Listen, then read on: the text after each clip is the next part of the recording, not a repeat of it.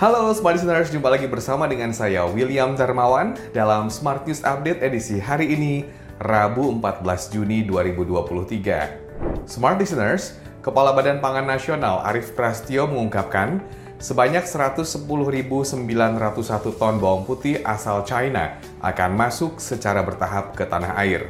Dia menilai masuknya ratusan ribu ton bawang putih tersebut bisa menekan harga bawang putih di tingkat konsumen di bawah Rp36.000 per kilogram.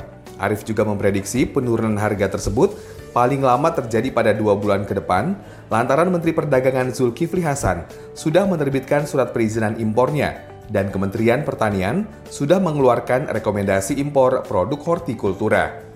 Berita selanjutnya, Menteri Pertanian Syahrul Yassin Limpo mengatakan El Nino berpotensi menyebabkan 870 ribu hektar lahan pertanian kekeringan di mana puncaknya akan terjadi pada Agustus 2023. Selain kekeringan, El Nino juga berpotensi menyebabkan kebakaran pada lahan pertanian, gagal panen, hingga peningkatan intensitas serangan hama serta penyakit tanaman. Sebab itu ada beberapa upaya yang akan dilakukan Kementerian Pertanian, di antaranya mengidentifikasi dan mapping lokasi yang terdampak kekeringan, serta mengelompokkan menjadi daerah merah, kuning, dan hijau.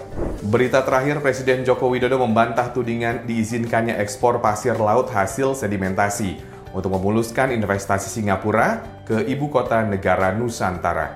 Jokowi menegaskan pasir laut yang diizinkan untuk diekspor adalah pasir hasil sedimentasi di laut yang mengganggu pelayaran dan terumbu karang. Hal ini kata dia sudah diatur dalam peraturan Presiden nomor 26 tahun 2023 tentang pengelolaan hasil sedimentasi di laut. Sekian Smartis Update hari ini. Saya William Darmawan mengucapkan terima kasih. Sampai jumpa.